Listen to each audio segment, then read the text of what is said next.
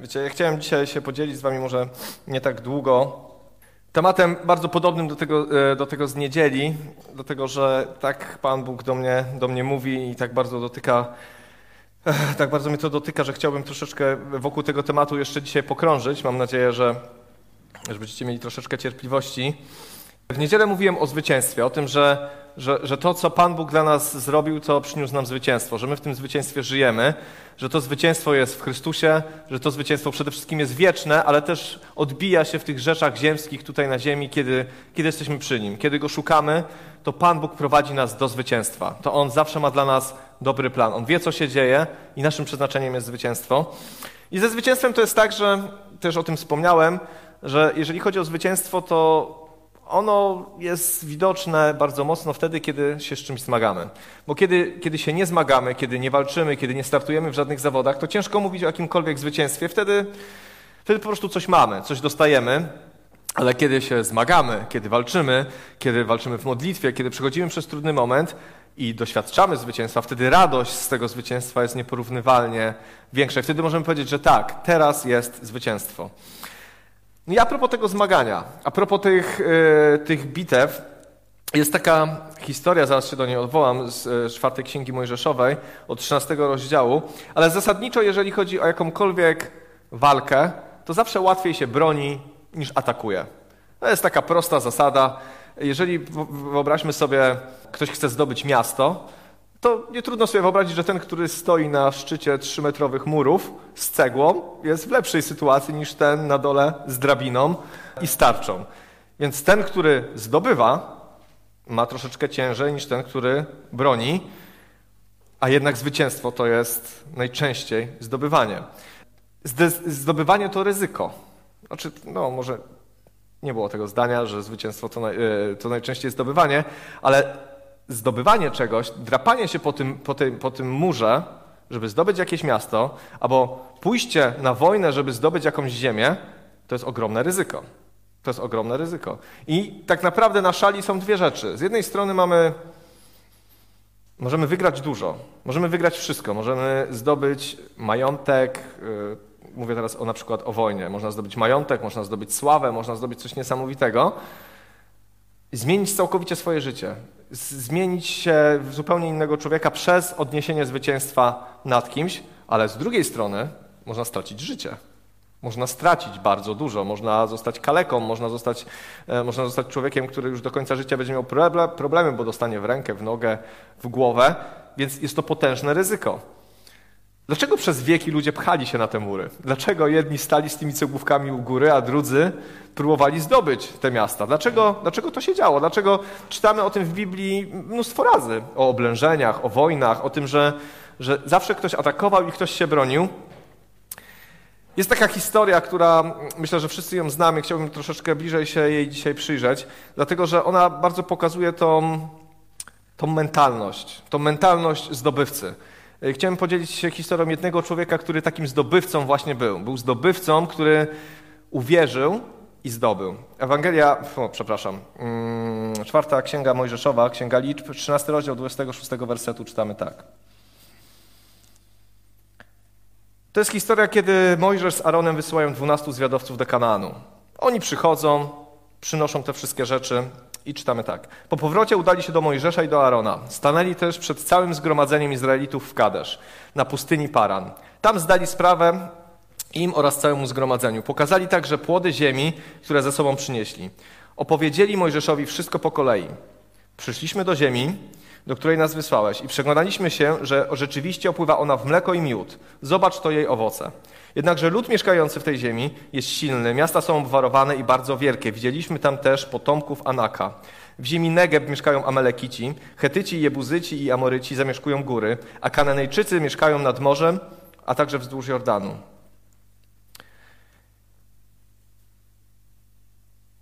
przychodzą ci zwiadowcy i zdają relacje. Zdają relacje i mówią, no jest świetnie, no, tak jak Pan Bóg mówił, że was wyprowadza z tego Egiptu i zaprowadza was do ziemi opływającej w mleko i miód, to prawda. To prawda, to jest piękna ziemia. Oni nawet przynieśli tam różne rzeczy, jakieś winogrona, może jakieś inne płody rolne. I mówią, rzeczywiście jest to piękna ziemia, jest wspaniała, ale, ale nie pusta. Tam ktoś jest. To nie jest pusta ziemia. To nie jest tak, że my tam przyjdziemy, albo my przyjdziemy, a ci się wyprowadzą. Nie, tam mieszkają ludzie. Tu oni mówią, że tam są obwarowane miasta. Wiecie, w starożytności, jak miasto było obwarowane, to taka, taka ciekawostka na przykład z księgi Nehemiasza. Kiedy Babilończycy zdobyli Jerozolimę, to zburzyli świątynię, ale też zburzyli mur.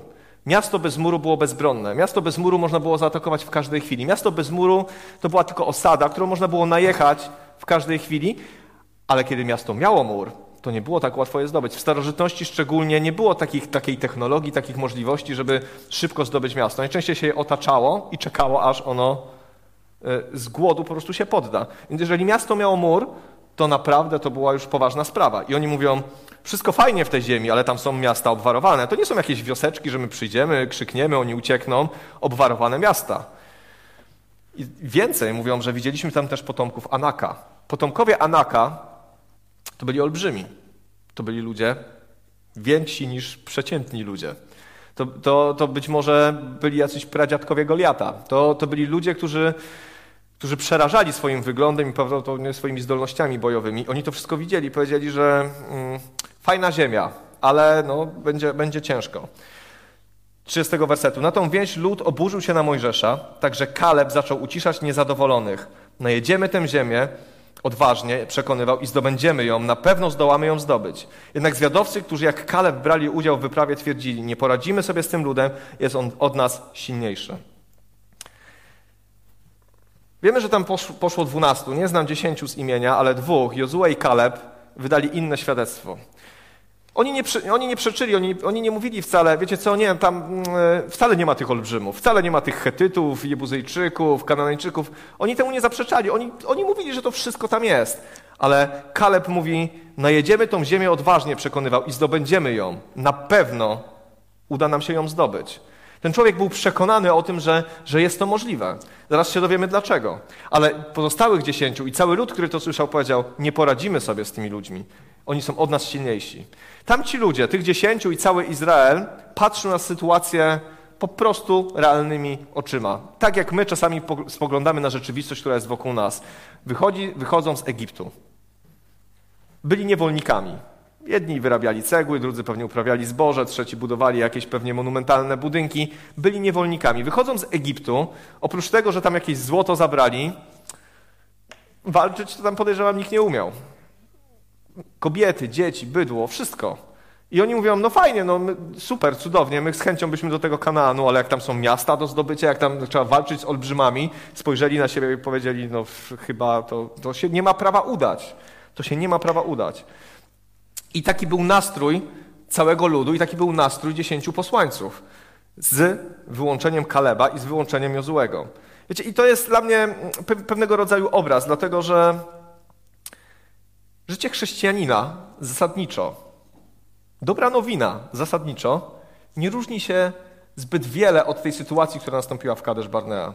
Dlatego, że Pan Bóg składa nam obietnicę w swoim słowie. Pan Bóg nam daje obietnicę. Oni mieli obietnicę, wejdziecie do Kanaanu, dam wam ziemię mlekiem i miodem płynącą, osiądziecie tam i będziecie mieli tą ziemię, ona będzie wasza. Dla ludzi, którzy nigdy nie mieli swojej własności, bo byli niewolnikami, którzy musieli pracować niewolniczo, posiadanie swojej ziemi to było coś niesamowitego. To była obietnica dla nich. My, kiedy przychodzimy do Pana Boga, mamy mnóstwo obietnic. Przede wszystkim, że nasze grzechy są przebaczone. Że przez to, że przyszliśmy do Chrystusa, że przez to, że wyznajemy Mu swoje grzechy, jesteśmy zbawieni z łaski za darmo. To jest Boża obietnica. Bożą obietnicą jest to, że ja was nie zostawię i was nie opuszczę. Mamy mnóstwo cudownych Bożych obietnic. Mamy, mamy obietnicę, że idźcie na cały świat, głoście dobrą nowinę. A ja będę potwierdzał wasze słowa znakami, cudami. To jest Boża obietnica. Bożą obietnicą jest wyleję na was swojego ducha. Nie będziecie sierotami, nie będziecie ludźmi, którzy będą zdani tylko na siebie. To jest dla was. To są obietnice, które Pan Bóg nam daje. I kiedy przychodzimy do takiego momentu, kiedy, kiedy, kiedy to już jest na wyciągnięcie ręki, kiedy, kiedy już, już skończyła się ta niewola, kiedy już rzeczywiście zostaliśmy oczyszczeni krwią Jezusa, kiedy uwierzyliśmy w to, że On nas zbawił, kiedy uwierzyliśmy w to, że to jest prawda, że, że On umarł i zmartwychwstał, kiedy już w to uwierzyliśmy, to stoimy na tej granicy między pustynią a Kanaanem, między ziemią obiecaną, a między tym, co było za nami. I teraz pytanie jest dla nas bardzo ważne. Czy będziemy tak jak tych dziesięciu?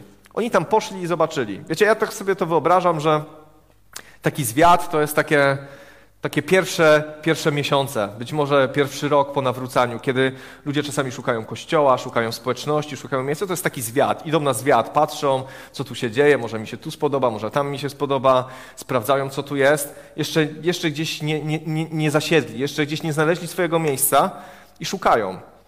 Zaczynają żyć z Bogiem, zaczynają widzieć jakieś płody rolne, najczęściej u innych, bo jeszcze sami nie mają tych swoich owoców. Jeszcze z ich relacji z Bogiem nic się takiego wielkiego nie urodziło, ale chodzą i podziwiają: wow, tu są takie, tu są takie owoce, tu są takie owoce ale z drugiej strony patrzą i mówią, no nie, no ale tu są też pewne wyrzeczenia, tu jest też ciężko, tu też trzeba się pozmagać, tu są jakieś bitwy do toczenia. To nie jest też tak, że, że od razu wszystko będzie pięknie. Tu być może to miasto trzeba zdobyć, tu może z tym nałogiem trzeba się rozstać, a może z tym grzechem trzeba się rozstać, a może z tą cechą charakteru trzeba się rozstać i mówią, no nie, jestem słaby, nie umiem, nie potrafię. Nie potrafię tego zrobić. To są piękne obietnice. Chciałbym w tym Kanaanie, chciałbym być takim chrześcijaninem, chciałbym wierzyć w Słowo Boże, no ale patrzymy na siebie i mówimy, no, no się nie da, no się nie da, po prostu się nie da. No, nie mam umiejętności, nie, mam, nie, nie potrafię tego zdobyć. Ale popatrzmy teraz i chciałbym się skupić na Kalebie, szczególnie na Kalebie, na tej postaci. O Jozułem wiemy dużo. Jozue został przywódcą po Mojżeszu. On był jednym z tych, o których wiemy bardzo dużo. Znamy go, znamy te słowa, które kierował do niego Bóg. Bądź mężny, bądź dzielny, zdobędziesz tą ziemię, kiedy Pan Bóg go wysyła. Ale o Kalebie nie wiemy tak dużo. Ale Kaleb był tym, który stanął odważnie przed całym zgromadzeniem i powiedział: Ziemia, przez którą przeszliśmy i którą zbadaliśmy, jest ziemią nadzwyczajnie dobrą. Jeśli Panu podobał nas sobie, to nas do niej wprowadzi. On nam da tę ziemię opływającą w mleko i miód. Tylko nie buntujcie się przeciwko Panu, nie bójcie się mieszkańców tej ziemi. Tak, padną naszym łupem, nie mają osłony, z nami jest Pan, nie bójcie się ich. To jest Księga Liczb, 14 rozdział. Od 6 do 9. Kiedy cały lud zaczął panikować, Kaleb wstaje i mówi, tą ziemię przeszliśmy i tą ziemię da nam Pan Bóg. Dlaczego? Jeśli Pan nas sobie upodobał, to nas do niej wprowadzi. Kaleb zmienia i Jozue mają zupełnie inny punkt widzenia. Oni nie patrzą na siebie. Bo gdyby patrzyli na siebie, to podejrzewam, że byłoby 12 do 0. Ale oni nie patrzyli na siebie, oni mówili, skoro Pan Bóg nas tu doprowadził, skoro Pan Bóg nas wyciągnął z Egiptu, skoro Pan Bóg upodobał nas sobie, to On nas tam wprowadzi. Oni mieli świadomość tego, oni, oni nie zapomnieli o tym, co się wydarzyło w Egipcie. Oni nie zapomnieli o tym, jakie tam życie prowadzili. Oni nie zapomnieli, jak, w jakich cudach i znakach Pan Bóg ich prowadzi. Oni powiedzieli, po prostu odziedziczymy tą ziemię opływającą w mleko i miód. Odziedziczymy tą ziemię. Wiecie, każdy z nas, każdy człowiek, myślę, że każdy, jak tutaj jesteśmy, wszyscy, bez wyjątku, chcemy mieć dobre życie. Chcemy czuć pokój, chcemy być szczęśliwi, chcemy być kochani i nie ma tu takiej osoby, która by tego nie chciała. Chcemy być w miejscu, w którym jest nam dobrze. To jest naturalne dążenie człowieka. Jeżeli tego nie mamy, to jest coś z nami nie tak. Jest jakaś autodestrukcja, ale chcemy, żeby było dobrze. I Kaleb bardzo tego chciał. I on powiedział, to Pan Bóg ma dla nas. To Pan Bóg ma dla nas. Tylko nie buntujcie się przeciwko Panu. Nie bójcie się mieszkańców tej ziemi. Padną naszym łupem, nie mają osłony. Nie mają osłony. Z nami zaś jest Pan. Nie bójcie się ich. Jak to bardzo zmienia. Jak to bardzo zmienia, kiedy patrzymy na Słowo Boże, na Boże obietnice nie przez pryzmat naszych umiejętności. Wiecie, ani ja, ani nikt z nas na tym miejscu nie jest w stanie wygenerować darów Ducha Świętego. Nie jesteśmy w stanie. Jakieś marne podróbki być może. Jakieś falsyfikaty. Nie jesteśmy w stanie tego wygenerować. Nikt z nas na tym miejscu nie ma mocy przebaczania grzechów. Nikt z nas. A przecież to jest fundament w głoszeniu Ewangelii. Nikt z nas nie jest w stanie bezbłędnie przejść przez całe swoje życie i nigdy się nie pomylić, nigdy nie upaść, nigdy nie popełnić błędu i nigdy się nie zdenerwować. Jak będziemy patrzeć tak na nasze życie, na nasze chrześcijaństwo, na Boże obietnice, nigdy nie zrobimy kroku. Będziemy jak ten Izrael, który zatrzymał się w połowie drogi. Oni się zatrzymali w połowie drogi. Wyszli z Egiptu, ale zostali na pustyni. Wyszli z Egiptu, już nie byli niewolnikami, doświadczyli wolności, ale nie doświadczyli obietnicy. Tak jakby ugryźli pączka, ale nie doszli do tej marmolady. Jakby, jakby coś spróbowali, ale to nie było sedno tego. Tak jakby już trochę zakosztowali, ale tak naprawdę nie w pełni. Jak często my jako ludzie wierzący zatrzymujemy się w połowie drogi, dlatego, że kończy się czas Bożego prowadzenia za rączkę przez pustynię, ale zaczyna się czas odważnych decyzji z wiarą. Zaczyna się czas, kiedy Pan Bóg wymaga od nas, chce od nas takiej postawy, jaką miał Kaleb i Jozue. Kaleb i Jozue miał postawę, Pan Bóg może to zrobić. Pan Bóg może to zrobić. Patrzę na swoje życie, ja nie mogę tego zrobić, patrzę na Boga, Pan Bóg może to zrobić, jeżeli On sobie nas upodobał. Jeżeli jesteśmy Bożymi dziećmi, a wierzę, że jesteśmy, kiedy oddajemy Mu swoje życie, to On nas uzdalnia do takich rzeczy. I to się absolutnie dzieje przez wiarę. I to się absolutnie dzieje przez wiarę. Kaleb i Jozue nie dostali żadnego znaku z nieba. Nie pokonali na próbę jakiegoś syna Anaka, jakiegoś olbrzyma, nie przywlekli za włosy i pokazali, patrzcie, da się. Nie, nie mieli czegoś takiego. Oni przez wiarę powiedzieli, my tam pójdziemy i to się wydarzy. Ale po ludzku nie mieli za bardzo argumentów, żeby powiedzieć, że na 100%. Co mogli powiedzieć Izraelitom? Nie przynieśli im żadnego dowodu. Ale powiedzieli, tak, jak pójdziemy, jak będziemy wierzyć, to to się wydarzy. Jaka była reakcja? Dziesiąty werset. Jednak gdy całe zgromadzenie gotowe, jednak całe zgromadzenie gotowe było ich ukamienować. Tak bardzo ich zachęcili, tak bardzo wiara się w nich rozbudziła. Chwała Pana okazała się w namiocie spotkania na oczach wszystkich Izraelitów. Pan Bóg musiał interweniować. Pan Bóg musiał interweniować. Pan Bóg musiał objawić swoją chwałę i pokazać: Ja tu jestem, ja to czynię, ja to zrobię. Wiemy, jakie były konsekwencje. Wiemy, jakie były konsekwencje, przerażające konsekwencje. Wiecie, mnie to przeraża, bo wiemy, że to pokolenie było skazane na wymarcie na pustyni. Patrzcie, jaka to jest dramatyczna śmierć. Przestajesz być niewolnikiem.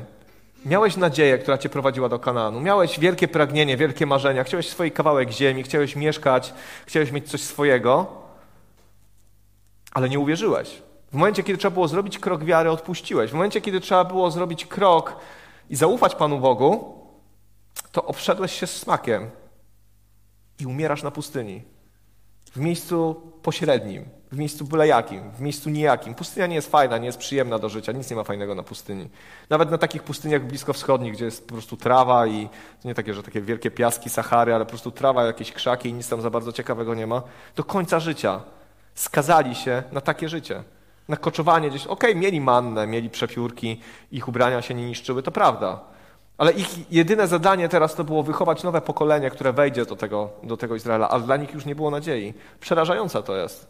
Przerażające jest to, że można się zatrzymać na takim etapie, w którym doświadczamy Bożej miłości, doświadczamy Bożego dotknięcia, doświadczamy Bożych cudów, Bożego uwolnienia, ale nie doświadczamy Bożych obietnic. Nie doświadczamy tego, co jest treścią naszego życia. Nie wchodzimy do Kananu, nie wchodzimy w miejsce Bożych obietnic, nie oglądamy ich bo zatrzymaliśmy się. I to nie wiara. Czytamy o tym. Widzicie do Hebrajczyków, że to nie wiara spowodowała, że oni tam nie weszli. Oni nie uwierzyli, że Pan Bóg może to uczynić. Oni nie uwierzyli, że Pan Bóg jest w stanie ich przeprowadzić. Zdarza się, że my tak mamy, że my nie wierzymy, że Pan Bóg jest w stanie zmienić nasze życie. Okoliczności, to co widzą nasze oczy, zatrzymują nas. Zatrzymują nas i mówimy, nie da się. Wiecie, i, i to jest przykre bo wtedy żyjemy na pustyni. Wiecie, ciężko zachęcić kogoś i powiedzieć, chodźcie, będziecie żyli z nami na pustyni. Chodźcie, my jesteśmy chrześcijanie na pustyni, posiedźcie z nami, rozbijemy sobie namiocik. Tak, że będziemy tacy wolni, ale nie będzie za fajnie, bo nie będzie winorośli, nie będzie zboża, po prostu będziemy sobie tam, jakoś tam przeżyjemy. To nie ma nic w tym zachęcającego. Ja wierzę, że zostaliśmy powołani do tego, żeby zwyciężać żeby zdobywać, żeby doświadczać Bożego, działania w naszym życiu, które nie jest naszym zwycięstwem, które nie jest urodzone przez nas, które jest wynikiem aktu naszej wiary, zrobienia kroku, zrobienia podjęcia decyzji. Wejdę w to, zrobię to. Zaufam, że Pan Bóg się o to zatroszczy. Wytoczę wojnę temu grzechowi, temu nałogowi, tym problemom. Postaram się, zrobię krok do Boga, a Pan Bóg mówi, a ja wtedy zrobię krok do Was.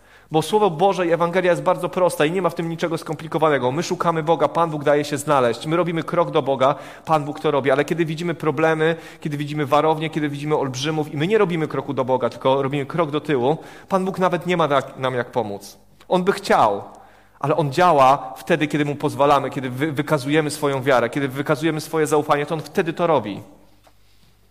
Wiem, że się łatwo mówi o teoretycznych rzeczach. Wiem, że macie przed swoimi oczami realne problemy, realne troski, realnych olbrzymów, realne miasta, które są do zdobycia, które są warowne i stoicie przy tym i czujecie się malutcy, nie jesteście w stanie nic zrobić. Ja wiem, że to jest ciężkie. Też takie mam. Ale wiecie, po, tam Pan Bóg bardzo mocno mnie dotyka tą historią. Bardzo mocno mnie dotyka tą historią, dlatego że ta historia mówi o tym, że można zmarnować życie, wycofując się. Że można zmarnować życie, dając się przestraszyć. Że można zmarnować swoje życie wtedy, kiedy się przestraszymy okoliczności. Nie, nie wykażemy wiary, możemy okraść się z wielkiego błogosławieństwa. Możemy nie wejść w miejsce, które zostało nam przeznaczone. Księga Liczb, 32 rozdział, od 11 do 13. Zapewniam, przysiągł, to Pan Bóg, że ci ludzie, którzy wyszli z Egiptu do, od 20 roku życia wzwyż, nie zobaczą tej ziemi, którą przysięgłem Abrahamowi, Izaakowi i Jakubowi. Nie zobaczą jej, ponieważ nie byli pe w pełni za mną. Wyjątkiem był Kaleb, syn Jefunego, Kenizyta i Jozue, syn Nuna. Tylko oni bez reszty stali po stronie Pana.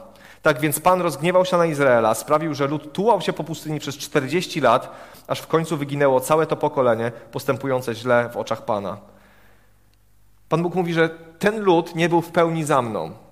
Nie był w pełni za mną. Gdzie Pan Bóg, jak tak patrzę na swoje życie, to widzę, że to, co, to, co jakby jest cenne tak bardzo w relacji z Bogiem, to jest to, że, że On chce, żebyśmy po prostu Mu bezgranicznie ufali żebyśmy to w nim mieli pełnię bezpieczeństwa, żebyśmy to w nim mieli pewnie nadziei, żebyśmy to w nim mieli takie przekonanie o dobrej naszej przyszłości, żebyśmy to w nim ulokowali wszystkie swoje marzenia i plany, że, że to jest dla niego bardzo ważne, że Pan Bóg jest zazdrosny. Cały Stary Testament jest, jest historią o tym, że Pan Bóg jest zazdrosny o cześć oddawaną czemuś innemu niż Jemu, o pokładanie ufności jakimś innym Bogom, jakimś Aszerom, jakimś Baalom, jakimś innym rzeczom, że Pan Bóg cały czas chce człowieka. Nie dlatego, że że, że, że jakby nie mamy prawa go odrzucić, ale dlatego, że on wie, że bez niego sobie nie poradzimy. On chce dla nas dobrze, dlatego chce nas w całości. Bo jak w całości się mu nie oddamy, to ta mała cząstka być może, której mu nie oddaliśmy, i tak nam zrobi krzywdę. I on to wie, i on chce nas w całości, bo chce, żebyśmy owocowali, żebyśmy byli szczęśliwi. Chce nas doprowadzić do Królestwa swojego niebieskiego. To jest przecież cel tego, co Jezus zrobił dla nas na krzyżu. A tu jest napisane, że oni nie stali w całości po stronie Boga. Oni trochę stali po stronie Boga. Tak trochę. Wiecie, ta roszczeniowość na pustyni, to biadolenie, że nie ma jedzenia, że nie ma mięsa, że nie ma wody, że nie ma tego, że nie ma tamtego, że w kółko źle, było widzeniem braków, a nie widzeniem Bożego błogosławieństwa. Było cały czas szukaniem zaspokojenia, ale nie, nie, nie widzeniem tego, co Pan Bóg już uczynił i co jeszcze ma, ma dla nich. Ale nu, y, Jozue i Kaleb, oni bez reszty stali po stronie Boga. Stali po stronie Boga. Opowiedzieli się po, po stronie Bożych standardów, po stronie Bożych planów, po stronie Bożych obietnic tam położyli swoją ufność. Jeszcze jeden fragment. A, to w zasadzie jest to samo, nie będę tego czytał. No i dobrze. No i mamy 40 lat na pustyni. 40 lat na pustyni. W tym czasie Kaleb i Jozue żyli. Ludzie, którzy stanęli w pełni przy Bogu, ludzie, którzy w pełni opowiedzieli się przy, przy Bogu, byli na pustyni przez 45 lat. To nie jest tak, że tamci zostali, a Kaleb z Jozue ze swoją rodziną weszli. Oni ciągle tam byli. Przez 45 lat chodzili z tym Izraelem po pustyni i czekali na spełnienie tej obietnicy. Czekali na spełnienie tej obietnicy. Oni akurat nie wymarli. Oni tam cały czas byli. Wiecie, ja się tak zastanawiam, co musiał myśleć Kaleb? Co on miał, musiał mieć w głowie, chodząc 45 lat, 40 lat po tej pustyni i co on sobie myślał? Mówi, to ja tu ryzykuję swoje życie, prawie mnie ukamienowali, stoję w pełni po stronie Boga, opowiadam się za Bożymi standardami, opowiadam się za tym, wyznaję przez wiarę, że Pan Bóg nam to da, a teraz cierpię razem z nimi? Łażę po tej pustyni razem z nimi? Nie jestem tam, gdzie powinienem być? Jakaś odpowiedzialność zbiorowa go dotknęła i o złego? Ciekawe.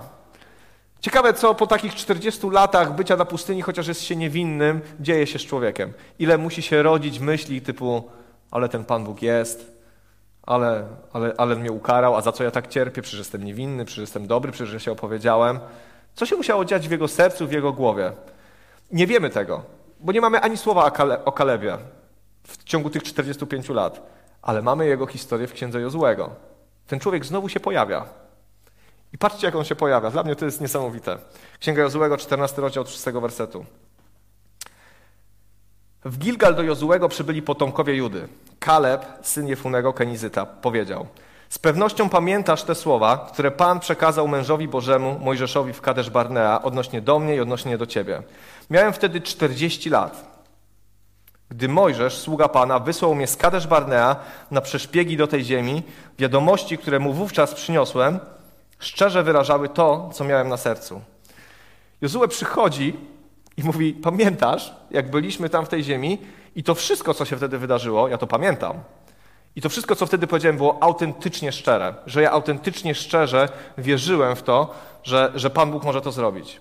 Później mówi tak: Niestety moi bracia, ci, którzy poszli ze mną, doprowadzili do tego, że serce ludu stopniało. Co do mnie, opowiadałem się bez reszty za Panem moim Bogiem. I Mojżesz przysiągł tego dnia: Ziemia, po której stąpa Twoja noga, należeć będzie do Ciebie i do Twoich synów jako dziedzictwo na wieki, ponieważ opowiedziałeś się bez reszty za Panem moim Bogiem. Jozue przychodzi po swoje. Zauważacie to? Jozue po 40 latach nie stracił wiary, nie stracił takiego, że Pan Bóg mnie skrzywdził, Pan Bóg jest niesprawiedliwy. On przychodzi i mówi: Jesteśmy, jestem, instalujemy się, ja przychodzę po swoje, bo ja wtedy mówiłem szczerze, ja wierzę, że Pan Bóg nam to da, ja wierzę, że to jest ciągle dla mnie. On miał już 80 lat. W wieku 40 lat był na przeszpiegach, w wieku 80 lat przychodzi do Jozuego i mówi: Przypomnij sobie tą obietnicę. Przychodzę, przychodzę z kwitkiem, przychodzę z rachunkiem, teraz po prostu tego chcę. A oto Pan do teraz zachował mnie przy życiu. Tak zresztą, jak zapowiedział, przez całe te 45 lat. Od czasu, gdy wypowiedział słowo do Mojżesza w czasie wędrówki Izraela po pustyni. Obecnie mam 85 lat. Wciąż jednak jestem tak mocny jak wtedy, kiedy wysłał mnie Mojżesz. Siła, którą miałem wówczas, nie opuściła mnie do dzisiaj. Nadal potrafię walczyć i doglądać swoich spraw. Daj mi więc teraz to pogórze, którym, e, o którym mówił, mówił wówczas Pan, a sam słyszałeś, że są tam Anakici i wielkie warownie miasta. Może Pan będzie ze mną i zgodnie z zapowiedzią Pana wezmę je w posiadanie. Patrzcie, patrzcie na tą mentalność. To jest dla mnie absolutnie zdumiewające. Po 45 latach na pustyni, po 45 latach być może jakiejś niesprawiedliwej kary, która nie powinna go dotyczyć, on przychodzi do Jozuego i mówi: 45 lat minęło. Ja ciągle tak samo mocno i głęboko wierzę w to słowo, które wtedy zostało powiedziane. Ciągle wierzę, że Pan Bóg mi to da, a tam ciągle są ci olbrzymi i tam ciągle są te warowne miasta. Zauważcie, że on nie przyszedł po prostu na gotowe, bo już to wszystko wygonili i teraz już było ładnie, pięknie. On mówi, to jest jeszcze niezdobyte, a ja jestem ciągle tak samo silny, ciągle jestem tak samo waleczny, ciągle mam tą samą głęboką nadzieję i ciągle mam tą samą głęboką wiarę, że Pan Bóg ma to dla mnie, więc teraz po prostu ja chcę tam iść i to ma być moje. Ja pokonam tych anakitów, pokonam tych olbrzymów, zburzę te warownie i to po prostu będzie moja ziemia na wieki. Wtedy w odpowiedzi Jozue pobłogosławił Kaleba, syna Jefunego i dał mu w dziedzictwo Hebron. Właśnie dlatego, że Kaleb, syn Jefunego, Kenizyta, opowiadał się bez reszty za Panem, Bogiem Izraela. Hebron jest jego dziedzictwem aż do dnia dzisiejszego. Miasto Hebron nosiło wcześniej nazwę Kirat Arba, to jest miasto Arby. Arba była jednym ze znaczniejszych był jednym ze znaczniejszych ludzi wśród Anakitów. Po zajęciu tego obszaru przez Kaleba ziemia dostała, doznała wytchnienia od wojny. Niesamowita historia. Ja sobie tak czasami myślę, że bardzo szybko się poddajemy, że bardzo szybko składamy, e, składamy broń, że bardzo szybko mówimy, nic z tego nie będzie, bardzo szybko mówimy, a po co mi to było? Po co się tak starałem? Po co się tak zmagałem? Po co, po co się narażałem na niebezpieczeństwo? 45 lat. Ja tyle nie żyję. 45 lat na pustyni chodził, chociaż nie zrobił nic złego, wręcz przeciwnie. Jego bohaterstwo się w pełni ujawniło. Ale jednak nie zwątpił. Jednak nie, nie zwątpił w Bożą obietnicę. Uchwycił się tej obietnicy, która powiedziała: Ty tam wejdziesz, ty to odziedziczysz. Uchwycił się tego bardzo mocno i powiedział: Nie odpuszczę. I w wieku 85 lat przychodzi po prostu jak po swoje, z pełną wiary i mówi: Teraz to zdobędę. 85 lat i rzucił się na olbrzymów ze swoimi ludźmi. Nie kalkulował, nie bał się i zdobył to, co było jego dziedzictwem. Wiecie, ta historia bardzo mnie zachęca, dlatego że, że za często stoimy po prostu gdzieś tam przed tym, co Pan Bóg ma dla nas, nie robiąc kroku. Nie, nie, nie robiąc tego kroku wiary, cały czas się zastanawiając, cały czas mnożąc wątpliwości, cały czas gdzieś Pana Boga nie wiem, zostawiając na, na bok. Ja, wiecie, ja teraz nie mówię o naszych marzeniach. Ja nie mówię teraz o naszych planach wakacyjnych, o naszych domach, o naszych domach, mieszkaniach, samochodach. Nie chodzi mi o takie marzenia, nie chodzi mi o takie dziedzictwo, ale chodzi mi o to duchowe dziedzictwo. Często marzymy pragniemy, żeby się działo, żebyśmy mogli doświadczać Bożej obecności, żebyśmy mogli doświadczać realności Ducha Świętego. I ja powiem, że my tego już doświadczamy, że my w to wchodzimy. Wiecie dlaczego? Dlatego, że, że jesteśmy coraz bardziej odważni, dlatego, że ufamy, że to jest od Pana Boga, że Pan Bóg nam to daje i On daje nam tego doświadczać. Mnie to niesamowicie zachęca, że kiedy robimy krok do Pana Boga, to On robi krok do nas. Wiecie, możemy zostać, możesz zostać w swoim życiu w tym Kadesz Barnea, a później cofnąć się i łazić po pustyni. Ciągle w Bożej obecności. Ciągle był tam słup, ciągle był tam przybytek. Ciągle spadała manna z nieba. Ale jednak to nie było to. To jednak nie było to. Ja wierzę, że my nie zostaliśmy powołani do tego, żeby to nie było to, ale żebyśmy robili te kroki wiary. Żebyśmy robili te kroki wiary, żebyśmy byli jak Kaleb, który, który w wieku 85 lat powiedział: Daj mi to wzgórze, ja atakuję teraz, atakujemy to wzgórze, bo ja chcę tego doświadczyć, bo ja tego pragnę. Bo ja tego pragnę. Zastanawiałem się nad jego motywacją. Oczywiście to była Boża obietnica, ale tak sobie myślę, że bardzo ważne też jest to, że ten człowiek, będąc w niewoli, popatrzmy na życie Kaleba. 80 lat, 85 lat. Do tej pory doświadczył w życiu tak.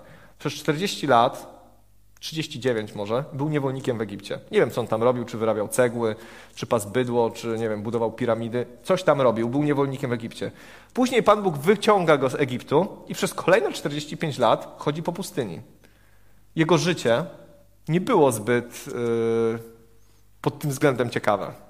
Zbyt wielu sukcesów nie osiągnął, ale miał niesamowite pragnienie i głód tego, żeby doświadczyć Bożej obietnicy, która mówiła: Będziesz miał ziemię, to będzie Twoja ziemia. Twoje dzieci tam będą mieszkać, Twoi wnuki będą tam mieszkać. Zobaczysz Boże błogosławieństwo. Będziecie, nie będziecie już niewolnikami, będziecie już po prostu ludźmi, którzy odziedziczą ziemię. Będziecie normalnie żyć, normalnie prosperować. To będzie coś wspaniałego, za czym tęskniliście, za czym tęskniłeś 85 lat. Ja myślę, że to marzenie, które on miał w sercu, to pragnienie, żeby tego doświadczyć, sprawiło, że on po prostu tego nie puścił. On tego po prostu nie puścił, on chciał tego doświadczyć. To jest niesamowite. Całe pokolenie wymarło. Tak wielu ludzi nie weszło. Tak wielu ludzi tego nie doświadczyło, ale tylko dwóch. Nawet nie Mojżesz, nawet nie Aaron. Oni też nie weszli. Ale Kaleb i Jozue zbudowali sobie domki, mieli tam dzieci, pewnie oglądali tam jeszcze wnuków, mogli korzystać z owoców Kanaanu, manna przestała padać, już mogli sobie wyhodować swoje. Odziedziczyli, wywalczyli. Dlaczego? Dlatego, że uwierzyli. Zauważcie, Okej, okay, on tam pokonał tych olbrzymów, ale Biblia nawet za bardzo o tym nie mówi, jak on ich tam pokonywał, bo to nie było ważne, bo on powiedział, że Pan Bóg będzie walczył za nas, Pan Bóg nam to da, to jest Boża robota. To, co oni zrobili, to uwierzyli. Oni uwierzyli, że Pan Bóg może to zrobić. Czy ty dzisiaj wierzysz, że Pan Bóg może to zrobić? Cokolwiek masz teraz w głowie? Czy, czy wierzysz, że Pan Bóg może to zrobić? Czy wierzysz, że tą warownię Pan Bóg może zdobyć? Czy tego giganta może pokonać? Czy w to wierzysz? Bo jeżeli w to nie uwierzymy, to ciągle będziemy się obchodzić smakiem. To ciągle będziemy żyć marzeniami i obietnicami, będziemy do nich wzdychać, ale nie będziemy ich oglądać. Wiecie, ja, ja sobie postanowiłem, ja nie wiem, jaka będzie moja przyszłość, ale ja chcę oglądać Boże rzeczy.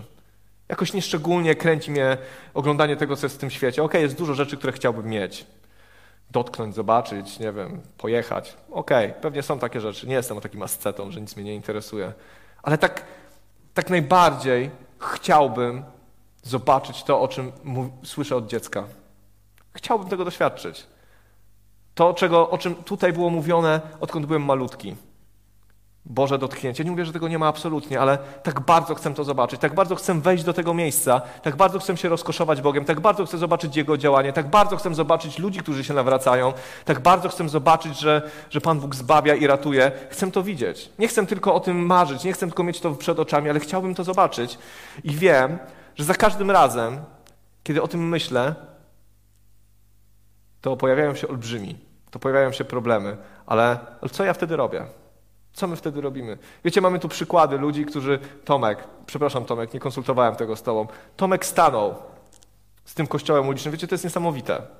To jest absolutnie niesamowite. Wiecie, tak, tak sobie myślę. Nie wiem, jakieś tam bitwy w Twojej głowie, nie, nie wiem, nie znam, ale, ale prosta wiara. Chciał pomagać i wierzył, że Pan Bóg to poprowadzi. Patrzcie, jak to się rozwinęło. Niesamowicie, nikt by tego nie zaplanował. Tomek by tego nie zaplanował. Jak rozmawialiśmy, to mówimy, że tam pięciolitrowy garnek to szczyt po prostu możliwości. Ale Pan Bóg ma swój plan wtedy, kiedy z wiarą wchodzimy w pewne rzeczy. Kiedy robimy krok, to Pan Bóg robi dalej. Wiecie, jakie to by było przykre chrześcijaństwo, gdyby na nas ciążyła odpowiedzialność za robienie pewnych rzeczy. Gdyby, gdybyśmy to my swoimi siłami, swoim potem, swoją umiejętnością potrafili coś wywalczyć. Jakie to by było przykre. Jakie to by było nieefektywne. Ale piękno Ewangelii Nowego Testamentu polega na tym, że On nas uzdalnia, że kiedy my przychodzimy do Niego, kiedy my mu ufamy, On walczy za nas, On nas wyposaża, On nam daje wszystko, co jest potrzebne, ale potrzebuje naszej decyzji, potrzebuje naszej wiary, potrzebuje naszego zaufania, że On nam krzywdy nie zrobi, potrzebuje tego, żebyśmy stanęli za Nim i powiedzieli, tak Panie Boże, ja po prostu Tobie zaufam w tym wszystkim, absolutnie tego po ludzku nie widzę. To, to się nie uda po ludzku, ale zrobię to, zrobię to, bo Ty tak mówisz, bo tak jest napisane w Twoim słowie. Nie będę się bał, nie będę się lękał, stanę za Tobą. Wiecie, przypiszcie to teraz do swojego życia. Ja wiem, że tych sytuacji może być mnóstwo. Nie wiem, czym jest twoje Kadesz Barnea. Nie wiem, nie, nie wiem, co to jest. Nie wiem, czy się zmagasz, czy choroba, czy problemy rodzinne, czy cokolwiek to jest. Ale wiem, że te problemy, ci, ci giganci i te warownie, one będą. I zawsze będą przerażające. Chciałem powiedzieć na litość boską, ale, ale przecież, za, przecież zaufaliśmy Bogu, przecież zaufaliśmy Chrystusowi, przecież czytamy, kim On jest. Pokonał grzech i śmierć. Grzech i śmierć. Pokona też Twój problem. Nie wiem jak, nie wiem kiedy, ale jedno jest pewne. Jak nie będziesz w to wierzył, to się nic nie zmieni. Jak nie uwierzysz w to, że Pan Bóg może, to się nic nie zmieni. Problem będzie taki, jaki był. Będziemy mniej się tym martwić, bardziej się tym martwić, będą lepsze chwile, gorsze, ale problem zostanie. To będzie 40 lat na pustyni. Bez obietnicy, bez radochy, bez szczęścia. Ale nie myślmy o tym. Myślę, że jesteśmy w tym momencie, kiedy możemy powiedzieć Panu. To jest fenomen Nowego Testamentu. Możesz powiedzieć Panu Bogu dzisiaj tak. Dzisiaj możesz mu powiedzieć tak. Dzisiaj możemy powiedzieć: Panie Boże, poprowadź mnie tą drogą. Decyduję się. Decyduję się po prostu to zrobić. Panie Boże, dziękujemy Ci za to, że. Dziękujemy Ci za to, że za nas umarłeś. Dziękuję Ci za to, Boże, że to Ty nas uwolniłeś. Dziękuję, że nas wyprowadziłeś z naszego Egiptu. Każdego z nas, z tych naszych problemów, z tych naszych trosk, z tej naszej niewoli, w której byliśmy. Oczyściłeś nas. I to się wydarzyło, Panie, dzięki Twojej łasce, dzięki Twojemu miłosierdziu. My na to nie zasłużyliśmy, po prostu upodobałeś nas sobie. Upodobałeś nas sobie i nas wyciągnąłeś, Boże. Ja Ci dziękuję za to, że zrobiłeś to wśród znaków i cudów, Panie, wśród potężnego Twojego działania to się wydarzyło. I to wszystko jest, Boże, Twoja zasługa. Dziękujemy Ci za to.